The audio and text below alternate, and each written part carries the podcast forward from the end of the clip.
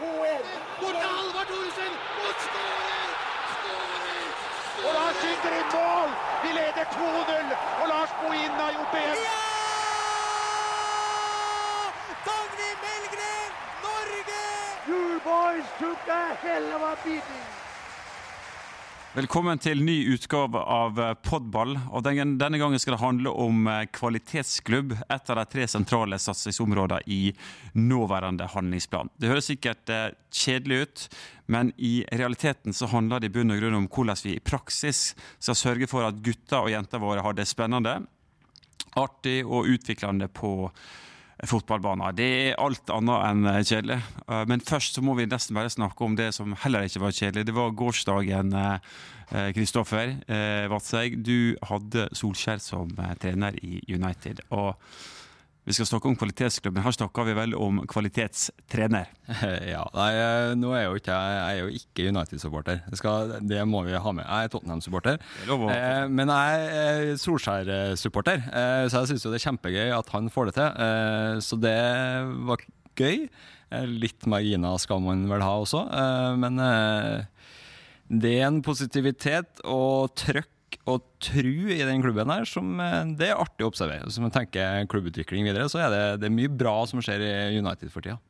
Så det her kan med andre ord inspirere andre krefter også i norsk fotball. Vi skal tilbake til eh, kvalitetsklubb. Det er jo en eh, kanskje litt sånn abstrakt størrelse for mange. Eh, mange kriterier som skal oppfylles både på det ene og det andre området. Men hvis du kan tegne et sånn grunnriss av hva egentlig kvalitetsklubb er, hva vil du si da, Kristoffer? Det er jo sånn overordna si at det er litt sånn kjedelig. Jeg syns jo ikke det er kjedelig. Jeg syns jo det her er kjempegøy. Eh, Men det overordna eh, klubbutviklingskonseptet for Norges Fotballforbund mot barne- og ungdomsfotballklubber. Eh, altså arbeidsmetodikk mer. Hvordan vi møter klubbene og jobber sammen for å, som du sier, legge til rette for aktiviteten, som er det viktigste. Så stiller vi noen krav til klubbene, at de skal ha på plass ulike elementer. Eh, og så jobber vi sammen med klubbene i prosess for å få det på plass. Og så sertifiserer dem, så når de har på en måte fått på plass de her kriteriene, så blir de det vi kaller for en kvalitetsklubb. Og så følger vi dem opp hvert år, at de har det på plass. Og da er vi en støttespiller eh, i alt det som jeg har med trenerutdanning, lederutdanning og sportsplaner. Så, så i bunn og grunn så er det det rammeverket en klubb trenger for å tilby det, som du sier, den gode aktiviteten. Men, men, men for, for, eh, for folk der ute som skal tenke hva er kvalitetsklubb, er det, er det handler det i realiteten om å få på plass eh, mest mulig utdannede trenere, en sportsplan og noen som kan serve de som er frivillige? Er det en enkel måte å se det på? Ja, basic så er det rammeverket som du møter når du kommer med barnet ditt til en klubb. Eh, Det at det er en trener der, og at den treneren har kompetanse, og at det er en bane som det går an til å spille på, at det setter opp at du får spille riktig spillform osv. Det er jo på en måte alt det vi driver på med i norsk barne- og ungdomsfotball satt i litt system. da. Eh, og så kan det være litt sånn uangre... Ja, hva er det for noen ting? Jo, det er alle de kriteriene. Eh, og det kan man si at kan være litt sånn vanskelig å forstå størrelsen på når man ser det første gang. Uh, men ganske basic så er det som vi snakker om, det er rammene som må være på plass for å tilby god fotballaktivitet. Med i denne podballen så har vi også Svein Gundersen, administrativ leder i Heminge fotball. Du var egentlig litt skeptisk til eh, kvalitetsklubb før dere gikk i gang. Kan du fortelle hvorfor du var det? Ja, vi var vel det. Eh, eh, Vi følte at vi drev ganske godt. Eh, Vi hadde veldig mange av disse elementene på plass. Vi hadde et verdisett gjennom Hemings Lille Grønne, som vi hadde jobbet med i mange år. I idrettslaget, da. Vi er jo et fler- fleridrettslag, ikke bare fotball. Eh, og vi hadde akkurat vært ferdig med en revidert sportsplan, eh, og eh, var litt stolte av det. Så Du så egentlig ikke nytteverdien, du. ja, vi så vel det litt i en hektisk hverdag, som litt byråkratisk. Men vi hadde en ledelse som sa at vi skulle starte med dette, og vi jobbet jo oss inn i det. Det tok litt lang tid, men etter hvert så skjønte vi at eh, selv om vi hadde de viktigste elementene på plass, så burde vi gjøre en del justeringer, eh, og det var kommet noen nye ting med som eh, vi ikke hadde tenkt på. F.eks. dette med å definere roller. Uh, er det viktig?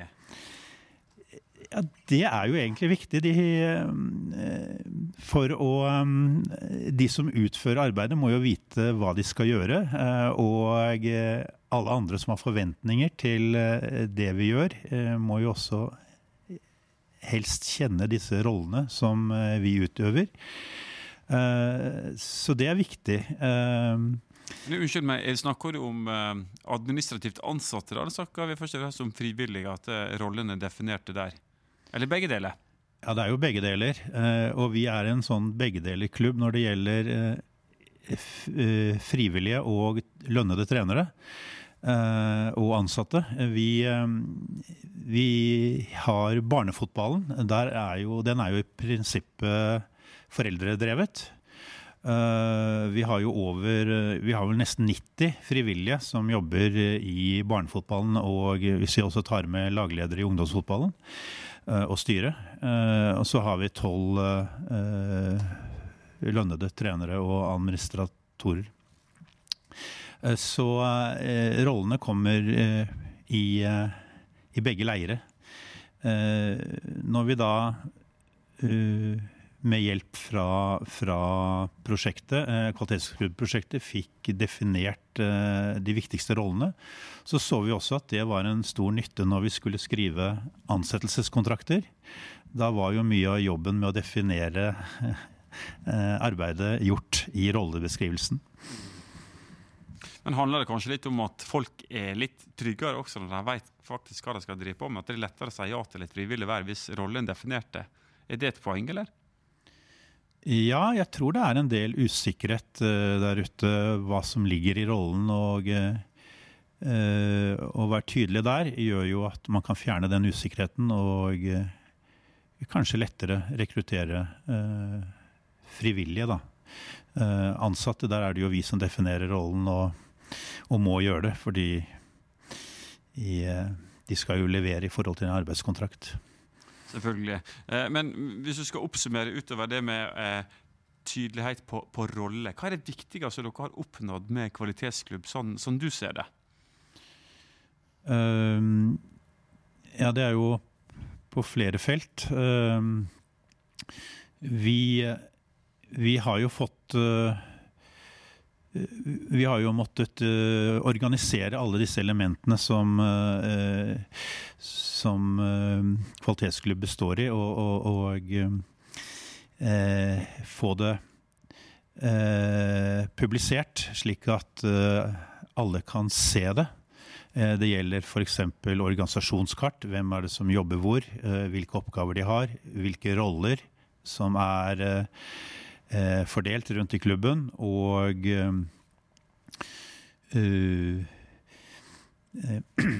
og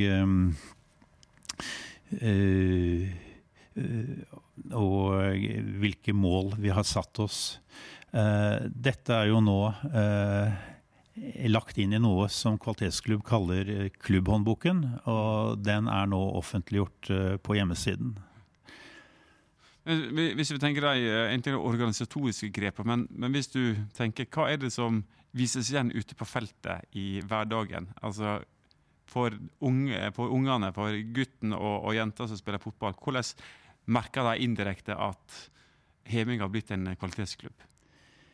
Eh, det merker de på den måten at uh, trenerne jo, har jo også en trenerveileder, og eh, vi har flere trenerforum hvor vi vi jobber inn mot uh, sportsplan og sørger for at alle uh, jobber etter samme mal, uh, stort sett. og vi, vi, merker det også nedover i barnefotballen når vi da trenerveileder jobber med de frivillige trenerne. Og disse har jo også da dratt litt nærmere inn i klubben ved at de må delta på barnefotballkveld eh, og andre trenersamlinger. Slik at eh, vi prøver å legge opp en rød tråd eh, for hvordan vi skal gjøre ting i, i fotballen og på treningene. Mm. Eh, opplever dere at de trenerne som har fått tatt barnefotballkvelden, og som er med på i, i, i trenerforum osv., at de syns det er gøyere å trene? At de føler seg tryggere i rolla, eller opplever dere at ting var som før fordi at dere jevnt over hadde mange som var utdanna dag? Er det en, en endring der?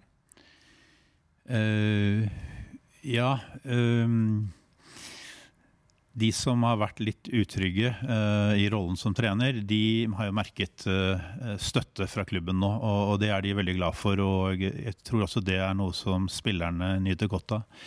Så har du alltid noen uh, trenere som vet best. Og, men det er jo viktig at også de vet hva som er idealene som vi jobber etter, og spillformene vi jobber etter, eh, slik at de kommer inn i folden. Mm. Eh, uten at det skal være en tvangstrøye, selvfølgelig.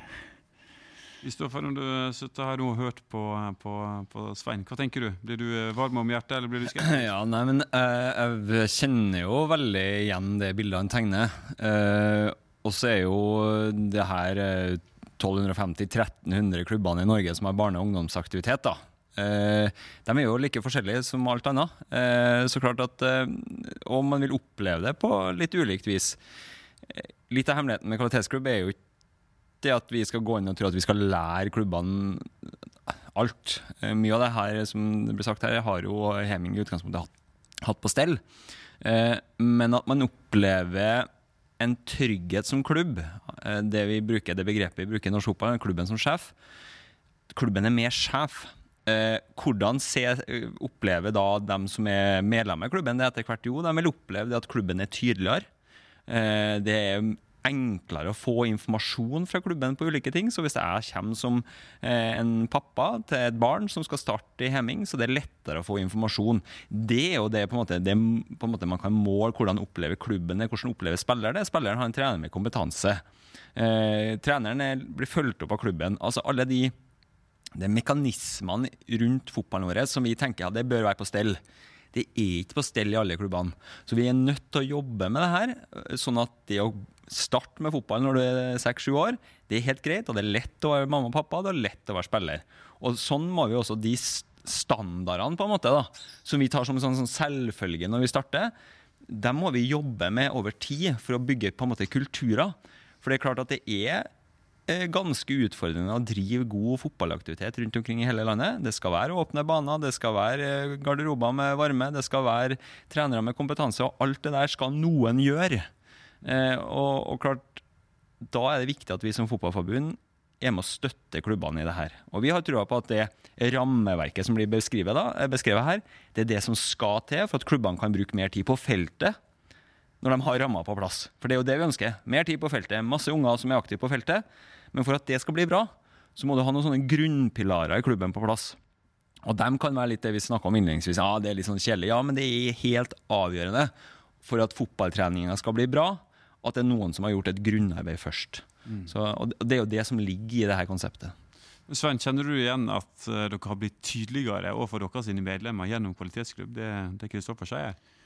Ja, det er jo det vi gjør. Vi, uh, uh, det er blitt mye lettere for eh, medlemmene og foreldrene til fotballspillerne å se eh, hva som er eh, hvem, hvem, som er der, og, og hvilke tilbud vi har, og eh, hva som er eh, Særlig sportsplanen, da.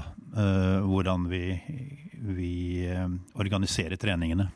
og det har også blitt mye lettere for en trener å få hjelp til øktene sine uh, som de skal ha med, med spillerne. Så um, det virker som uh, Det virker som at man har fått et mye bedre struktur på hele virksomheten. Før var det veldig individuelt, avhengig av den enkelte. Og nå, nå trekker vi mer i samme retning, da. Uh, og spesielt på jentesiden, hvor, uh, hvor uh, man nå ikke gjør noe forskjell på om det er guttelag eller jentelag. Det er, dette med mestring er jo like viktig på jentesiden. Det skal ikke bare være hyggelig og koselig.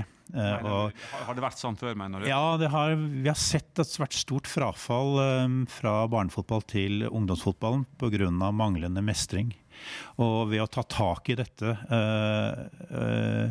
spesielt på jentelagene i barnefotballen, så ser vi nå at vi får store kull med jenter over i ungdomsfotballen. For fem år siden så hadde vi ingen jenter i ungdomsfotballen i Heming. Det er fantastisk. Det du sier nå, underbygger jo det som er eh, tendensen i landet for øvrig òg. At man har stoppa opp nedgangen og faktisk fått til en marginal økning blant jenter i, i ungdomsklassen. Så det er jo veldig hyggelig å høre. Men, men det, du, det, du, sier her nå, er jo eh, fantastisk å, å, høre. Og samtidig så er jo det verdt å, å ta fram noen tall her. Det er 231 klubber som var sertifisert ved utgangen av eh, 2018 og 211 klubber som er i prosess. Nå er jo ikke kvalitetsklubbprosessen lik i hver klubb, de er veldig ulike. Men like fullt, hvis man kan få til noe tilsvarende i så mange klubber, Kristoffer, så er man jo ferdig å ta skritt i virkelig riktig retning for, for norsk fotball her, tenker jeg. Ja, og så går det nok kanskje litt for stille i dørene her på Ullevål, men jeg mener jo at eh, det som pågår nå med kvalitetsklubb, er en like stor eh, revolusjon for norsk fotball som da kunstgresset kom hvis vi fortsetter å stå i det her. Eh, det at vi setter noen for det, for det, er jo ganske lett, som du sier, du går jo på det kvantitative. Hvor mange? Og i målsetting og handlingsplanen er ganske klar. Det er en tredel av alle barn og unge skal tilhøre en eh, kvalitetsklubb. Og det er jo Da har vi ett år igjen da, på denne handlingsplanen, her, og det har, målet har vi nådd. Så vi kan på en måte svare ut det at en tredel av alle barn og unge i Norge spiller i en kvalitetsklubb. Men, men så er det jo klart at tall er nå én ting, men det er jo den kvaliteten vi er på jakt etter. Eh, Norges Fotballforbund mener jeg med kvalitetscrew-konseptet har knekt en veldig veldig viktig kode. Hvordan vi sammen med klubbene kan utvikle fotballen. Altså Det viktigste funnet ja, det vi har fått flere ledere til å gå på kurs, og klubbene opplever at de har tryggere hverdag. Men det viktigste for Fotballforbundet, som har skjedd de siste fem årene, det er at vi har definert vår rolle mot klubb. Altså Vi blir tydeligere på hva er det Norges Fotballforbund skal være for klubbene. Og det er, en, altså, det er, en, revolusjon som har skjedd med, med at vi har bygd kretsapparatene eh, rundt i hele landet, i alle 18 kretsene våre. Vi, vi har fått på plass eh, utviklingskrefter. Eh, vi har store veilederapparat som vi trimmer, eh, som er nærme klubbene. Altså, det er veldig viktig at vi på en måte ikke bare lager strategier internt, og så er vi veldig fornøyd med det, men vi må få strategiene helt ut, og det mener jeg kvalitetsklubb er med eh, å skape den, på en måte en sånn revolusjon i relasjonen til klubbene. Og det, det, er det som er ordentlig ordentlig gøy med det her. At vi, vi, skaper, vi skaper, oss sjøl en posisjon da, som er mye tydeligere, og det er viktig. Ja, det er jeg helt enig i, eh, og det, det, har vi sett effekten av eh, nå. Eh, kretsen er ikke bare en, en serieadministrator. Mm. Den er blitt et, en samarbeidspartner og en støttespiller. Uh, og, som hjelper oss i det daglige. Og, og de har også fasilitert uh, forumer hvor trenerveiledere i de forskjellige klubbene kommer sammen og får påfyll og uh, har erfaringsutveksling. Og er, alle klubbene i kretsen har også blitt mye bedre kjent. og vi det virker som vi nå eh, trekker mye mer i samme retning. Det er ikke så mye dis diskusjoner med, med, hvor man er veldig uenig lenger. Eh, litt er det, og det skal det være, men, men uh, vi trekker mer i samme retning. Og det er en veldig positiv del uh, å følge av dette kvalitetsklubbprosjektet. I forlengelse av det vi snakker om her, så, så er jo det uh, 130 veiledere har fullført NFFs prosessveilederutdanning i i 2018, det er vel et ledd i nettopp det å styrke samhandlinga ut mot, uh, mot, uh, mot, klubbene, eller har jeg misforstått? Nei da, uh, liksom for å ikke bli for teknisk, da, så kan jeg jo på en måte forklare det sånn at det med at vi da stiller krav til klubb, stiller jo på en måte implisitt krav tilbake til oss. Hva, hvilken kompetanse har vi i fotballen for å altså, hjelpe klubbene? da? Og klart at Det vi ser når vi har utvikla og jobber med kvalitetsklubbkonseptet, det er at vi også i fotballen har, mangler litt kompetanse. Og det med å drive prosesser, hjelpe klubbene til å drive prosesser, eh, enten lenger, og det å lande et kvalitetsklubbkonsept, eller små, korte prosesser, det trenger vi å kunne. Det å ha kompetanse, så, så En del av det å utdanne og utvikle veilederkorpsene våre, det er rett og slett å skaffe kompetanse som vi ikke har hatt. Uh, og det kommer vi til å fortsette med, og må fortsette med, for det er også kompetanse vi ikke har i dag og kan tilby klubbene våre, som vi jobber med uh, i det daglige. Mm. Men En ting er jo den uh, veiledningen man får underveis om man skal bli en, en kvalitetsklubb. En annen ting er oppfølging i etterkant for mm. å sørge for at dette her er jo eh, kvalitetsarbeid som varer over tid, som ikke er et blaff.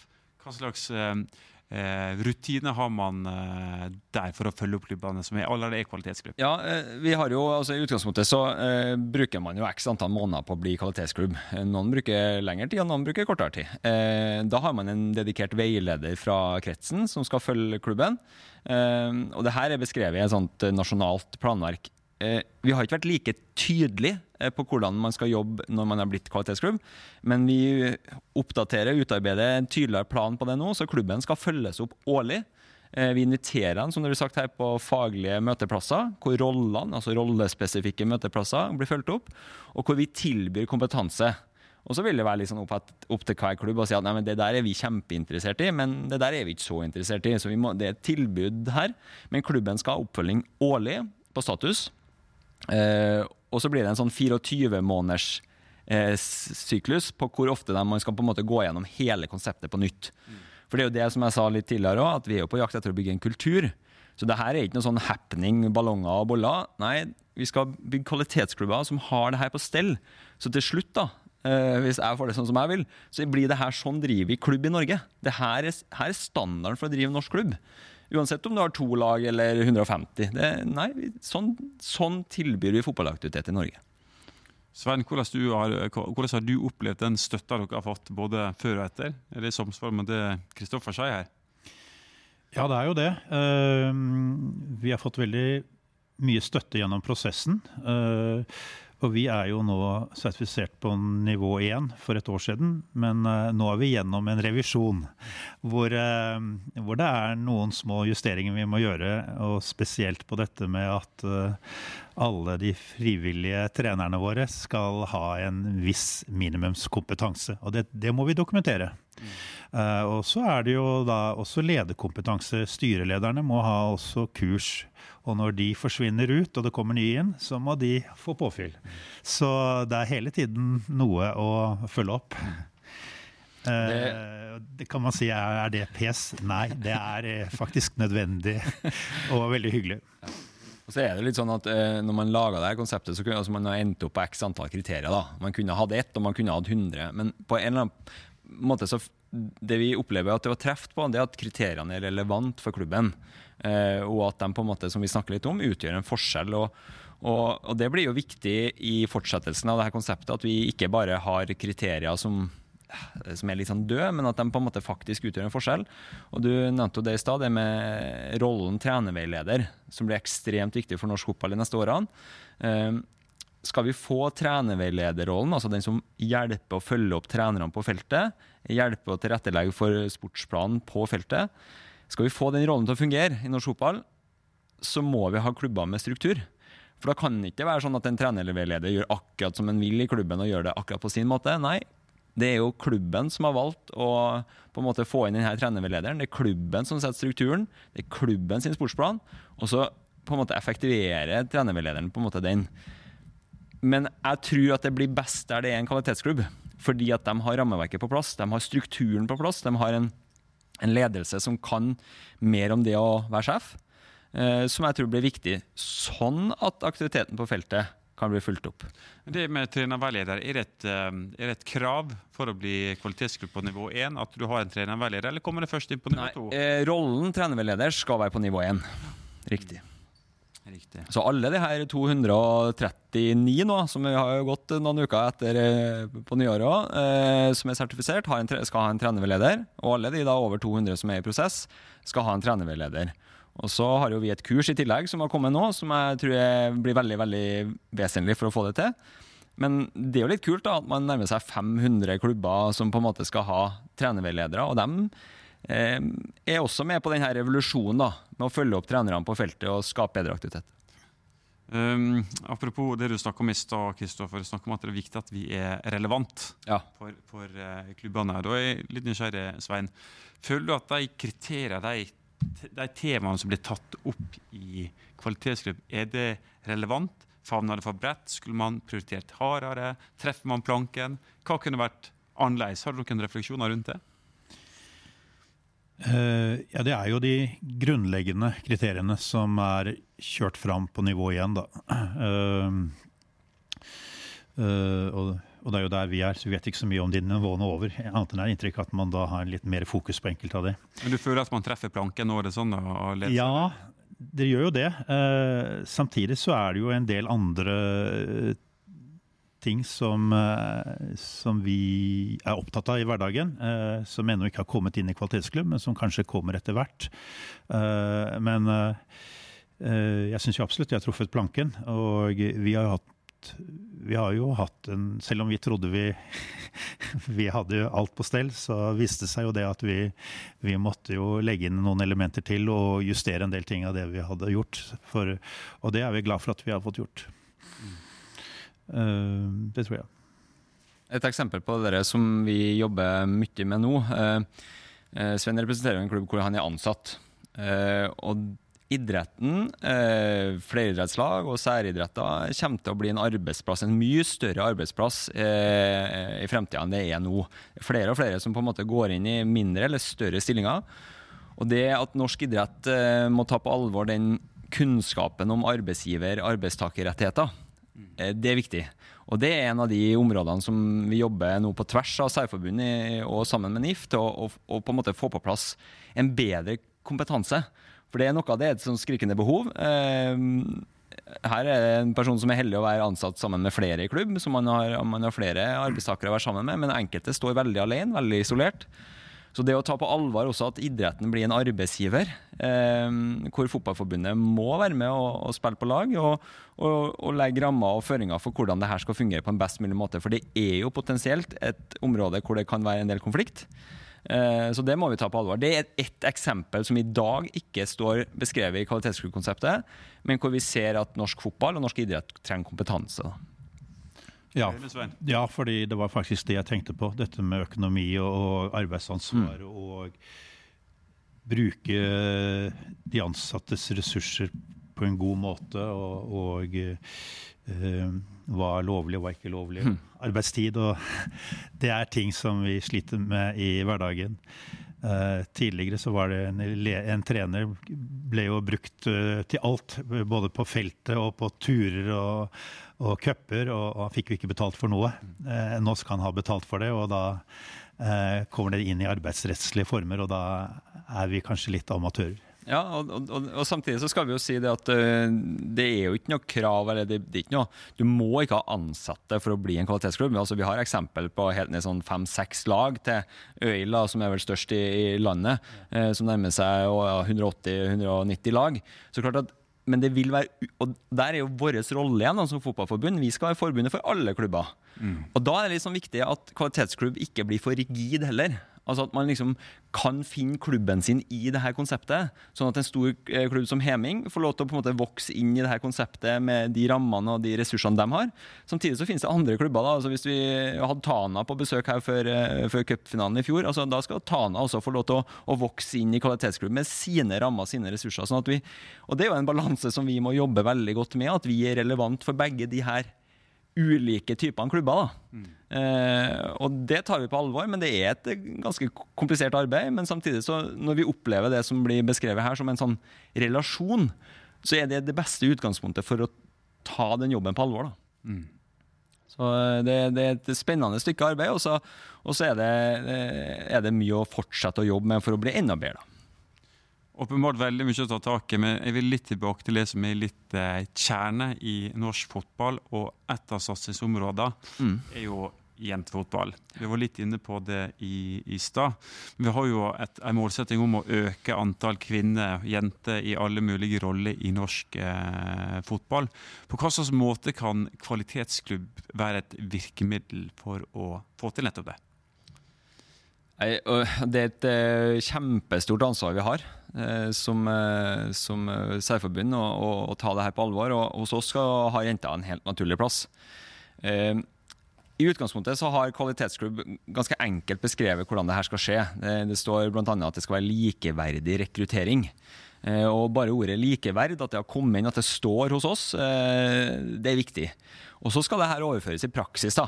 Eh, og da blir Det sånn, ja, men vi, det er jo tilbud til alle. Ja, hvordan har dere tilrettelagt for det tilbudet? Nei, det er noe oppslag i avisa, en liten annonse om at her er det fotball. Eh, ja, men hvem er det som leser det? Eh, så eh, og hvem er det som har fått den informasjonen? Så det at norsk fotball flytter seg fra å si at nei, men eh, de, de vet vel at vi er her, type, til at man faktisk sier at nei, dok, vi vil gjerne ha dere hit.